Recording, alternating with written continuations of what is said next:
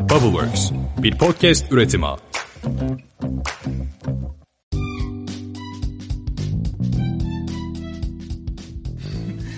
Günaydın Türkiye.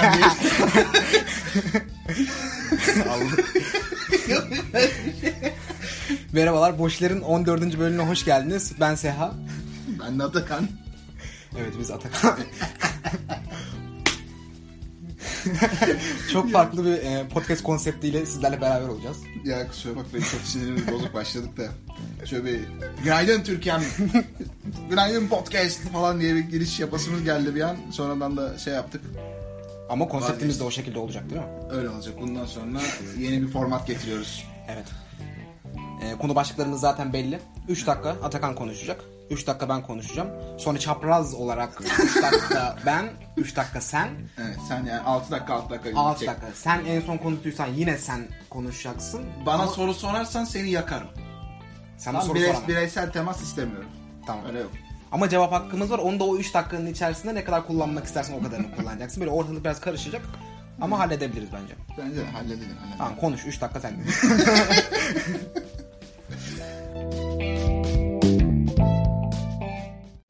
Türkiye'm. Allah'ım çıkamıyorum ya. Ee, yandık ya vallahi yandık ben de yapamayacağım. Neyse herkese merhabalar. Arkadaşlar evet normale dönelim artık. Evet karşımızda yine e, güzel şey- olaylar oldu. Onları sizlere anlatmak için sabırsızlanıyoruz diyelim. Bizi çok mutlu eden, Şu an ne kadar şaşırtan, enteresan şeyler var bakalım. Çok şey değil mi ya şu an? Şey bizi bozdu ya. Küçük kaya bizi bozdu ya. Evet başlayalım. Evet hadi bakalım. Bu hafta Facebook kripto para birimi açıkladı. Bunun e, Facebook olması biraz böyle kafalarda soru işareti uyandırmadı değil. Evet, bir buraya girmediğin kalmıştı. Hadi bakalım gibi bir hava uyandırıyor insanda ama. Ama ım, arkasında çok fazla sayıda şirket olması aslında bunun böyle bizim için biraz daha olumlu tarafı gibi Evet. geldi bana. Facebook diğer 23 şirketle bir araya gelip 27. pardon 20, 26 totalde 27 tane şirket bir araya gelip içerisinde Spotify var, eBay var, e, PayPal var, e, Visa, PayU var. PayU var, Visa var galiba, Visa var. Mastercard, Mastercard var. Hı hı, ödeme var. altyapıları. E, gibi böyle enteresan yapılardan oluşan şirketler bir araya geldiler ve tam Bitcoin'e rakip değil ama e, çünkü şu an için en azından yatırım amaçlı kullanılacağını söylemiyorlar. Libra isminde bir tane bir kripto para e, ortaya çıkardılar. Bir de üst şirketi var bunun. Kalibra. Evet, Calibra Burada adında. kafiyeli. Libra, Kalibra. Calibra. Akılda kalıcı. Evet. Onlar da öyle mi acaba? Olabilir. Onun için yapmışlar. Bu aslında Kalibra e, üst, e, üst şirket. Ne kadar zor bir şeymiş ha kelime. Üst şirket. Dijital cüzdan olarak da e, Kalibra'yı kullanacağız. Yani e, telefonumuza o uygulamayı indireceğiz Kalibra'yı. Onun için işte parayı vereceğiz. Libramızı alacağız. Para çok ama. markın cebine oradan para göndereceğiz gibi durumlar olacak. Bunun şimdi kullanım alanı Spotify'da Libra'dan ödeme Muhtemelen, yapabileceğiz gibi durumları var. Mastercard ve Visa'nın e, bunu destekliyor olması aslında ödeme altyapıları için bu bankalara büyük tehlike var ya e, Bitcoin'lerle ilgili işte bankalar artık 10 sene sonra olmayacak gibi bir durum var. Ödeme altyapıları buna çok hızlı bir şekilde e, ayak uydurabildiği için ödeme altyapıları bu işten sıyrılacak gibime geliyor benim. Muhtemelen evet. Ama bankaların bu sessizliği yani niye bir şey yapmıyorlar bu konuyla ilgili ben merak ediyorum. Onlardan da şey bekliyorum yani. Yeni bir para birimi çıkartmak. Biz de varız burada. Yani tamam da yeni bir para birimi çıkartmasında ne kadar ne faydası olacak ki ona? O adamlar banka dediğin şey para birimlerinin dönüşümünden para kazanan bir şirket aslında yani ve onlara yatırılan parayı işleterek yani en temel basic olarak ekstra oraya bir bir şey eklemeleri ne diyeyim herkesin aynı ortak e, parayı kullanması falan ne kadar işlerine gelir bilmiyorum. Bence onlar için gidişat gün geçtikçe Kötüye mi gidiyoruz? kötüye doğru gidiyor gibi yani. Dünya kadar tabii şey yapılıyor. Hmm, finans teknolojileriyle ilgili bankalar girişimlerin önünü açıcı çalışmalar yapıyor. Kendi işlerinden bir şeyler çıkartıyorlar. Muhakkak bir şey alacaklardır, önlem alacaklardır ama geleceğe karşı da ne kadar böyle şey durabilirsin bu değişimin gerçekleşmesini ne kadar engelleyebilirsin ya da bu kadar geleneksel yapılar banka dediğin şey çok eski bir şirket yapısı yani çok e, geleneksel bir yapı her ne kadar dijitalleşme adı altında bazı şeyler ayak uyduruyor gibi gözükseler de e, ciddi bir devran yani o nasıl buna ayak uydurur bilemiyorum. Özellikle şeyler için de çok karlı bir durum aslında. Ödeme altyapıları için daha da karlı bir durum yani. Adamlar sonuçta yine para dönecek bir yerde ve onun içinde de varlar yani. Çok erken atılım yapmışlar. Bence mantıklı. ve şey olacağı söyleniyor. Yani bunu kullandığın zaman çok büyük güçlü şirketler hepimizin her gün hayatında olan şirketler girdiği için işin içerisine bizi ciddi şekilde muhtemelen pushlayacaklar. Hı hı. Ee, Spotify belki diyecek ki Libra ile yap işte bu ay örnek veriyorum TL bazında konuşursak 1 lira daha düşük yapacağım. indirim olacak. Belki daha da böyle abuk subuk indirimler konuşulacak. İşte eBay giriyor mesela. Ya kim bilir nasıl kampanyalar yapacaklar. Yani herifler zaten güçlü. Her türlü e, Uber var. Şey var. Lift, Uber var. Evet, var. Enteresan şirketler var yani bilmiyorum.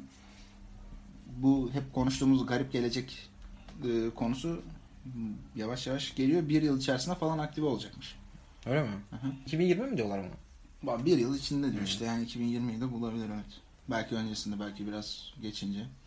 Ya bu kripto paraların e, kullanımı çok fazla böyle yaygın değil ya. Hı hı.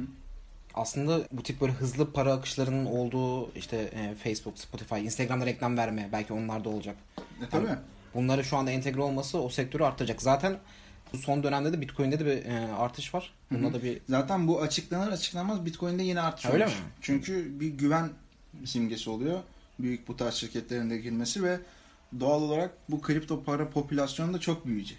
Yani sonuçta milyarlarca kullanıcısı olan bir ton şirket bir araya geliyor ve diyor ki bunu kullanacaksın birdenbire neredeyse tüm dünya şimdi buraya girecek. Bir de şöyle bir durum var. Ee, hani blockchain altyapılarından birisi olan bu kripto paraların aslında tam kullanım amacına hitap eden bir değer yani. Şu an blockchain insanlar için kullanıyor? Bir şey alıp satmak için kullanan kitle kaç binde birdir bilmiyorum var ama çok düşük. Ee, Daha çok insanlar bunu yatırım amaçlı, kar amaçlı kullanıyorlar. altın gibi. Yani aynen öyle o altın değerlensin işte alayım unutayım falan. Ama Libra bu gerçekten vaat edilen değer önerisine en yakın kullanımlardan birisi olacak gibi duruyor. Evet. Bakalım göreceğiz. Taze bir haber. İlk önce onunla başlamak istedik. Onun ardından da bir tane muhteşem bir örnek var. Ee, eğer girişimler ve girişimciler sonsuz cesaretle desteklenirse işler ne boyutlara geliyoryu bize çok güzel gösteren bir örnek olduğunu düşünüyoruz. O yüzden onun da üstüne biraz ayrıntılı konuşacağız. Uber Air. Uber Air. Adamlar uçacağız diyorlar. Evet. Bu yani böyle 4 kişilik bir ride sharing deniyor işte ona paylaşımlı araç ve elektrikli çalışıyor. Bildiğin uçak gibi olacak. Hı hı. Ve ben mesela çıktım. Şu anda Gayrettepe'deyiz. Gayrettepe'de çıktım. Bir yere gitmem gerekiyor. Yetişmem gerekiyor. Ne yapmalıyım? Uber Air var. Ve bir tane gökdelenine gidiyorum. Gökdelenin en üst katına çıkıyorum. Oradaki Uber telefondaki uygulamamı okutuyorum. En üste çıkıyorum. Orası böyle istasyon gibi. Çok şık Uber uçakları. Uçak diyeyim ona. Onlara binip seyahat ediyorsun. Şu anda fiyatı falan da belli değil. Böyle insanları bir yerden bir yere götürmeyle ilgili e, başlayan bu Uber serüveni arabayla başlayan bu serüven çok Evet. daha farklı yerlere gidiyor. Yani biz e, Uber'e korsan taksi diyemeyiz. Adamların yaptığı teknoloji böyle çok fazla konuşulmayı ve e, övülmeyi hak ediyor bence. Anacım vergi vermiyorlar, vergi vermiyorlar. Vergi verseler herkes kullanır. Yoksa niye kullanmayalım yani? He?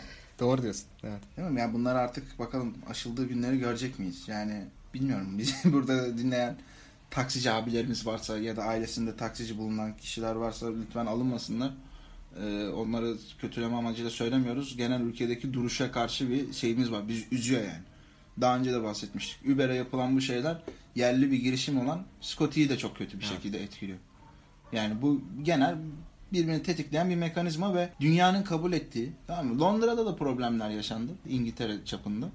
Ama ne yaptı? Uber'in CEO'su gitti. Orada Londra, Londra'daki yetkililerle görüştüler. Bu işi tak diye çözdüler. Yani bu çözülemeyecek bir şey değil. Kaldı ki dünya kadar konuşmalarını dinledik adamların. Yani bununla ilgili inanılmaz bir mücadele verdiklerini de gerçekten biliyoruz. Birinci ağızlardan dinledik yani bunu.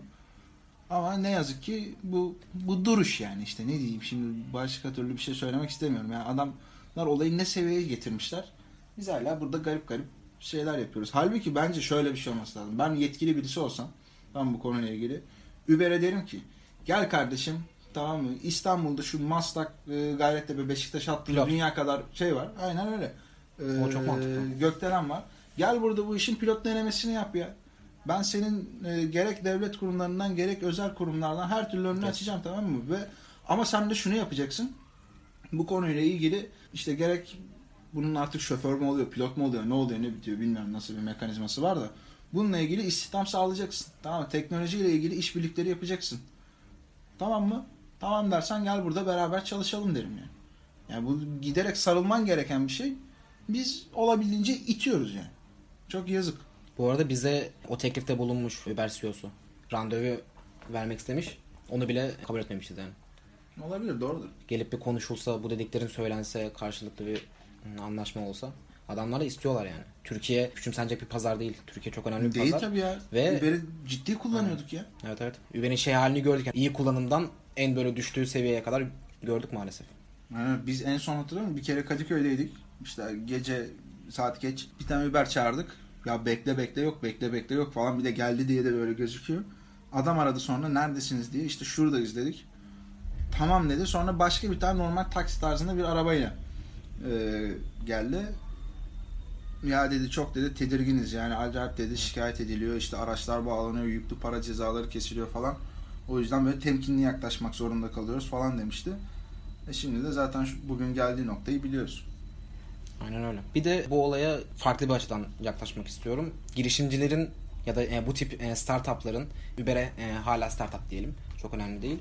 E, bu tip startuplar niye e, inovasyon yapıyor? Yani normal ne güzel gidiyorduk yerden, karadan gidiyorduk. Niye insanları uçuralım? Niye oraya bu kadar para harcayalım diye düşünmelerinin en büyük sebeplerinden bir tanesi de e, girişimcilik ruhu. Yani o kurucu hala e, orada kurucu ne kadar şirket büyüse de biraz böyle kafada delilik olduğu için yani ben bir etki yarattıysam bir etki daha yaratmalıyım. Kendini durduramıyor adam. Durmadan e, inovatif şeyler yapmak zorunda. Hem burada şirketlerin kendi arasındaki rekabet etme ihtiyacı var. Hem de gerçekten o ruhun yansıması bu. Yani uçmaya gerek yoktu. Lift uçmuyor işte. Beraber kapışıyorsunuz. Evet. Adam bunu sonuna kadar kullanıyor ve bu e, tarz insanların ben genelde şirketler içerisinde de bulunması gerektiğine inanıyorum. Yani o e, farklı bir e, iş kurup onu büyütmek istiyor ama şirketler de bu tip insanlara sahip çıkarsa eğer çok daha inovatif işler yapabilirler. Yoksa normalde herhangi bir geleneksel şirket Uber Air gibi bir şey yapmaz. Çünkü Yapmaz tabii. ona para harcaması gerekecek. İşler ne güzel düzgün gidiyor. Niye ekibi masrafa Dünya ekleyelim? kadar arge yapması gerekecek. işte deneme yanılmalar yapması gerekecek. Hiçbir şekilde işine gelmeyen şeyler. Yani Aynen bu bu sebepler ikimizin de ve çevremizde diğer arkadaşlarımızın da kurumsal hayatı bırakmasının ya da hiç başlamamasının en önemli sebebi ya. Yani stajlarda bile ben şimdi cevher hazırlama mühendisliğinden mezun oldum ama ne almış olduğum eğitimi tamam mı ne de kendi hayalimde olan şeyleri girip de yapabilecek olduğum bir tane bile şirket bilmiyorum. Ben arkadaşlarımdan biliyorum. E, ismini de vermiyorum ama zaten madencilikle ilgili Türkiye'de öne çıkan 3-5 tane büyük şirket var. Onlar bile inanılmaz tedirgin. Bir tane eleman alacaklar ki e, milyonlarca dolar her gün döndüren bir e, kar eden bir şirket yapısından bahsediyorum ve daha da büyük geleneksel anlamda yatırımlar yapan şirketlerden bahsediyorum. İnanılmaz tedirgin böyle garip garip yaklaşımlar.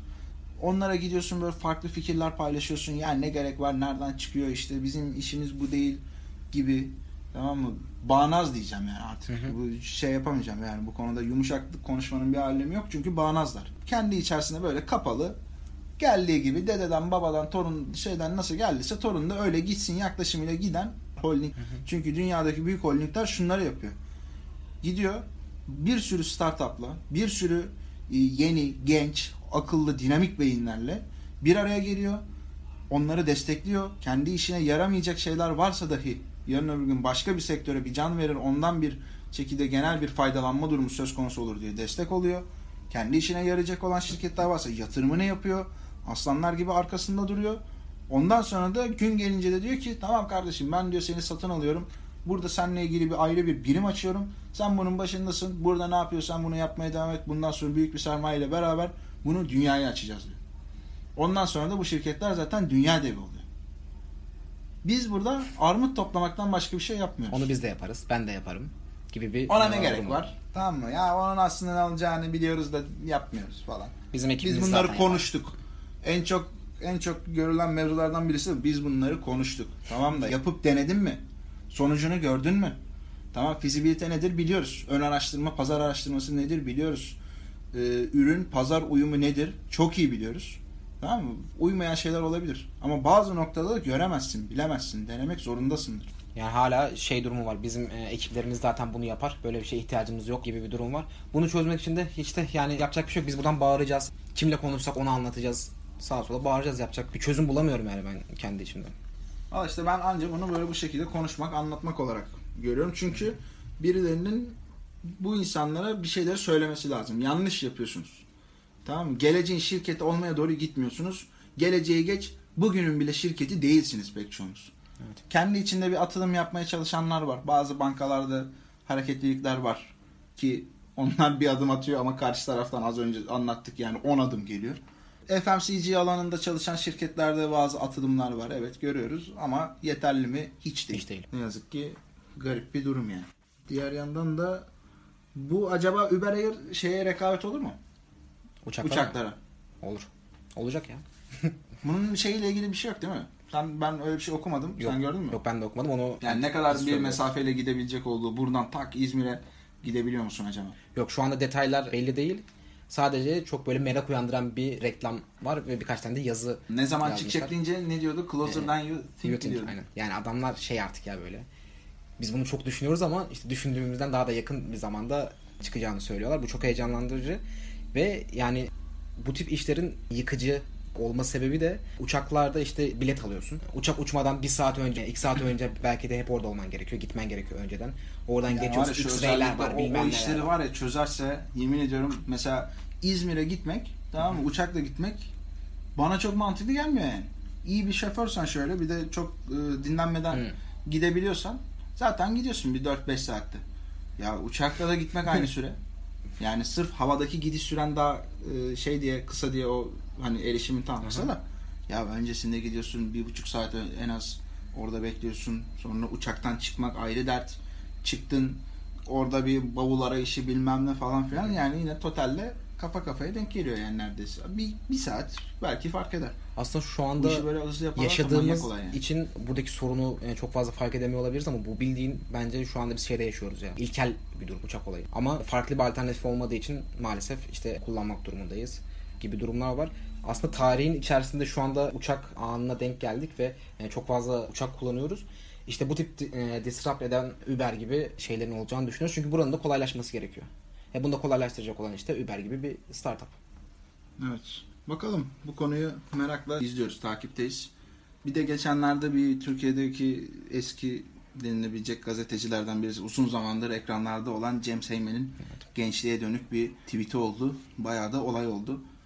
Bizim de kendisine katıldığımız yönleri de var, katılmadığımız yönleri de var. E biz de genç olduğumuz için biraz da üstümüze alındık şimdi. Ne yalan söyleyeyim. Bununla ilgili bir bir iki cümle kurmak istiyoruz da bilmeyenler için kısaca hemen bir tweet'i okuyayım. James Heyman demiş ki ben üzülüyorum. Gençler umutsuz. Fırsatını bulsa yurt dışında hayat kuracak. Ne münasebet. Hiç mi bir sivil toplum çalışmasına üye olayım da bir işin ucundan tutayım demez mi insan? Gençlik elde telefon, geyik muhabbeti içinde daha kaç yıl heba edecek ömründen? Şikayet etme, yap, ünlen şeklinde bir tweet olmuş. Ben aslında şeye kadar katılıyorum. Ben üzülüyorum. Gençler umutsuz. Fırsatını bulsa yurt dışında hayat kuracak. Evet bu bir gerçek. Evet. Tamam mı? Ama bu gençler niye bu noktaya geldi? Niye Amerikalı gençler ya da İngiltere doğumlu gençler, tamam büyük Avrupa ülkelerinde doğmuş olan gençler gidip yurt dışında bir hayat kurma eğilimi içerisinde değiller. Tamam? Öncelikle sorulması gereken soru bu. Yani gençlere niye bunu böyle yapıyorsunuz? Ne oluyor? Ne bitiyor? Sizi buraya iten etkenler nedir arkadaşlar? diye oturup ciddi bir şekilde konuşulması ve tartışılması gereken bir konu. Fakat doğru düzgün gündemde olan bir konu değil. Evet. Hatta yani şu anda yurt dışına göç oranları da ciddi şekilde arttı. Geçen yıl Türkiye'de 50 bin mi 60 bin mi ne e, İstanbul'a pardon dışarıya göç olmuş. Yani bunun işte kaçı bence büyük çoğunluğu yurt dışıdır da. Yani bir de bu kaçıştır yani. Evet. Anadolu'daki şartlar iyileştiyse belki oraya mı gittiler acaba? Yani oraya gitmiş olabilirler ama ya da oradan aktarmalı yurt dışına gitmiş. Sonra diyor ki mesela hiç mi sivil toplum çalışmasına üye olayım da bir işim ucundan tutayım demez mi insan? Bence haklı burada ya. Yani bilmiyorum ben çok hak veremiyorum. Şu an hangi sivil toplum örgütü aktif bir şekilde toplumun Doğru, faydasına doğru. bir şey yaratıyor? Sivil toplum örgütleri olarak demiyorum ama e, gençlerin bir şey yapma isteğiyle ilgili bence haklı. Yani tamam bak şimdi ben şeydeyken sen de biliyorsun yani İTÜ'deyken tamam mı? Hem hazırlıkta hem birinci sınıfta hatta ikinci sınıfında yarısında bir sosyal sorumluluk projesi yaptık. Ne yaptık? Dedik ki Türkiye'de e, İstanbul'dan da başlayarak çeşitli köy okullarının fiziksel ve eğitsel e, bir şekilde kalkındırılması adına bir sosyal sorumluluk projesi yapalım. İşte ismini de oyuna devam falan diye koyduk. Eğlenceli çocuk ruhu olan bir ekipti çünkü. Sonra fark ettik ki bununla ilgili destek arıyoruz sağdan soldan. Yani hiç kimse ne elini cebine atıyor. Ne iş gücü anlamında destek oluyor. Ee, bir şeyler yapanlar var. İşte mesela Toplum Gönüllüleri Vakfı falan var. İşte TEV'in bazı şeyleri var, çalışmaları var ama Türkan Saylan'ın derneğinin Çağdaş Yaşamı Desteklemenin var. Ama onlar da zaten kendi kendisini döndürüyor tamam mı zor belaya. Onlar da gidip ya ekstra bize de bir bin lira daha verin de bak şöyle şöyle harç alacağız. Ee, işte şurada bir duvar onarım çalışmamız var falan ee, diyemiyorsun. Desen de zaten karşılık alamıyorsun. Onlar da sana dünya kadar sebeplerini anlatıyor. İş öyle bir yere geliyor ki ya bulsak da biz versek falan. Yani dolayısıyla gençliğin gidip de böyle aman aman yoğun bir şekilde çalışabilecek olduğu bir sivil toplum örgütü ben görmüyorum. Tamam mı? Belki de ben görmüyorum yani. Tamam mı? Benim cehaletim de olabilir. Ee, ama biz de ne diyoruz? Yani gençlikte de birazcık sıkıntı olduğunu kabul ediyoruz. Bizim de hatalarımız vardır. Çevremizden de görüyoruz. Ya hiç kimse hakikaten elini taşın altına koyup bir şeyler yapmaya çalışmıyor. Tamam mı? Boşuna bas bas bağırmıyoruz. Yani girişimciliğe yönelin.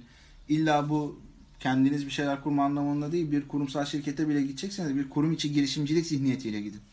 Bunu kendi arkadaşlarımızla da konuşuyoruz. Zaten bu podcast'i yapıyor olma amacımız bu. Birazcık derdimizi anlatmak, birilerine ses olabilmek, birilerinin kulaklarında biraz ufak tefek izler bırakabilmek gibi bir niyetimiz var. O yüzden buradayız. Kesinlikle yani oradaki kelebek etkisine çok fazla inanıyoruz. Yani burada bizim bir söylemimiz bir yerde e, çok daha büyük şeylere sebep olabilir. Çok daha büyük işlere sebep olabilir. Burada e, gençlikle ilgili de ben e, birkaç bir şey söylemek istiyorum.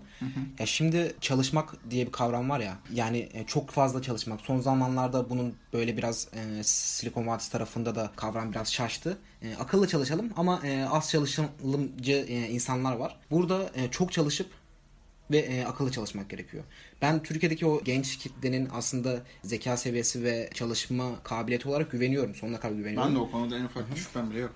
Ve bunu e, kullanmamız gerekiyor. Ben mesela kendi adıma böyle çok fazla yetersiz gördüğüm kısımlar oluyor kendimle ilgili. Çok fazla çalışmam gerekiyor. Çok daha sabah işte çok erken kalkıp çalışmam gerekiyor. Her şeyi takip ediyor olmam gerekiyor. Yani burada biraz da öz eleştiri yapıyorum kendime. Biz yani bunu yapacaksak eğer böyle birbirimize e, sonuna kadar e, destek olarak ve çaba göstererek bu işi yapacağımızı düşünüyorum. Ve yani buradan da işte e, gençlere mi duyuruyoruz bunu? Kime duyuruyoruz? Yani Bilmiyorum. Beraberce Kime hitap ediyorsa. bu işi yapacağız ve akıllı çalışacağız. Yani bunu yapmamız Ben gerekiyor. hem akıllı hem çok çalışmamız Duygulandım ve şu anda e, ayağıma kramp girdi özür dilerim. Sonra mesela şey lafı da bana saçma geliyor. Yani çok böyle dede lafı gibi geliyor. Gençlik elde telefon geyik muhabbeti içinde daha kaç yıl heba edecek ömrünü. Ya tamam gençlik içerisinde işte ergen nesilde özellikle e, bu telefon çok verimli kullanılmıyor muhakkak. Ama bak şu anda biz bu telefondan bu podcast'i kaydını alıyoruz. Yani bazı şeylerimiz bir garip. Şöyle söylenmesi lazım. Ya bakın arkadaşlar telefonun şöyle şöyle durumları var. Bir sürü kullanımı var. Bunlar olumludur, bunlar olumsuzdur. Tamam bunlar keyfidir, bunlar faydalıdır. Bunu bir ortak bir paydada buluşturarak kullanın. Tamam git Instagram'da saatlerce takılıyor musun? Takıl kardeşim. YouTube'dan video mu izliyorsun? İzle. Ama izlediğin içeriği biraz güzel tutmaya çalış.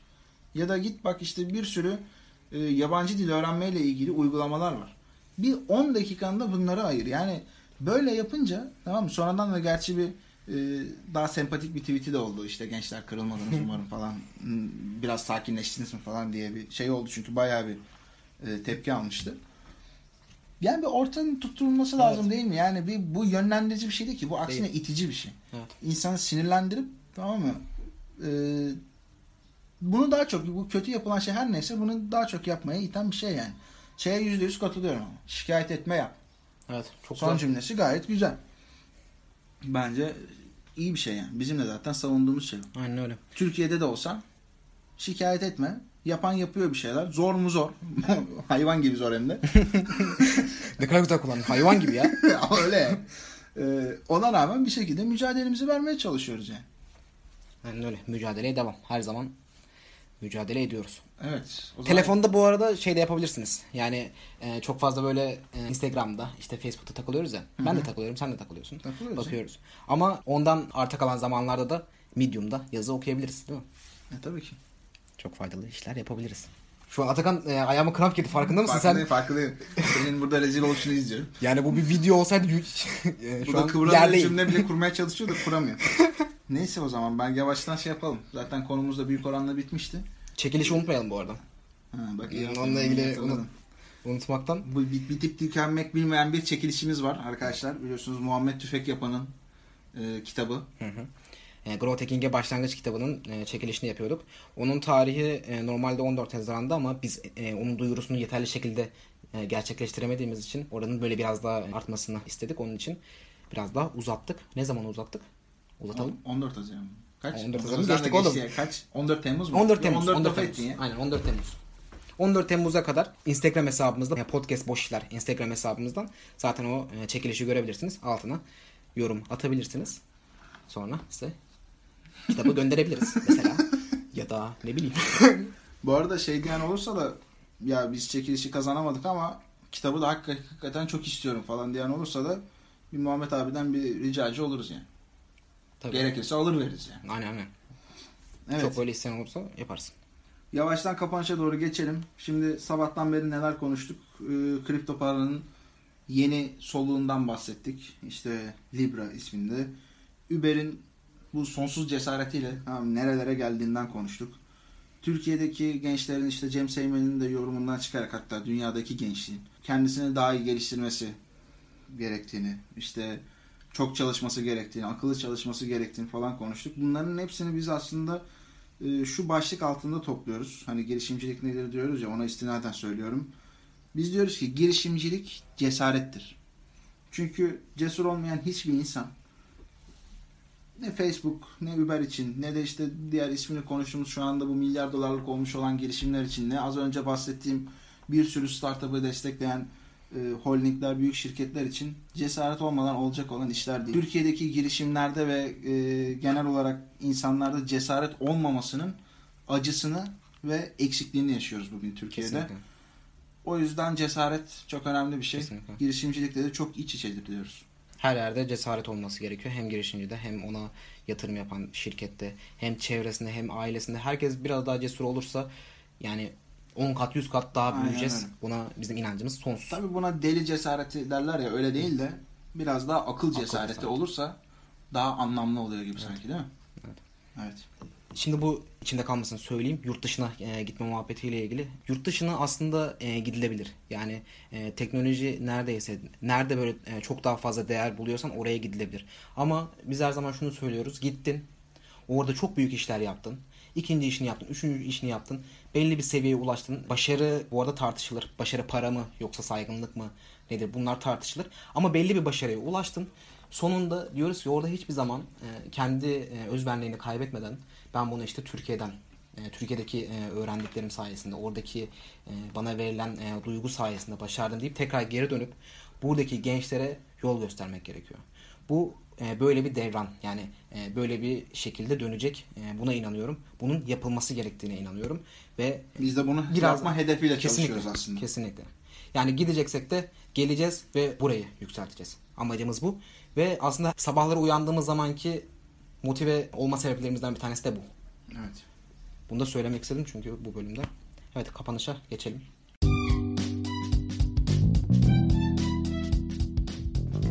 Kapattık zaten. Hadi. Aslında. Yok kapatmadık. Tam kapatmadık. Boşler'in 14. bölümü dinlediniz. Bizi dinlediğiniz için çok teşekkür ederiz. Bize Apple Podcast'ten geri dönüş yapabilirsiniz. Instagram'dan geri dönüş yapabilirsiniz. Twitter'dan geri dönüş yapabilirsiniz. Sizle her türlü geri dönüşünüzü bekliyoruz diye kapatalım. Haftaya görüşmek üzere. Görüşmek üzere arkadaşlar. Kendinize iyi bakın. Cesaretle kalın. Süpersin.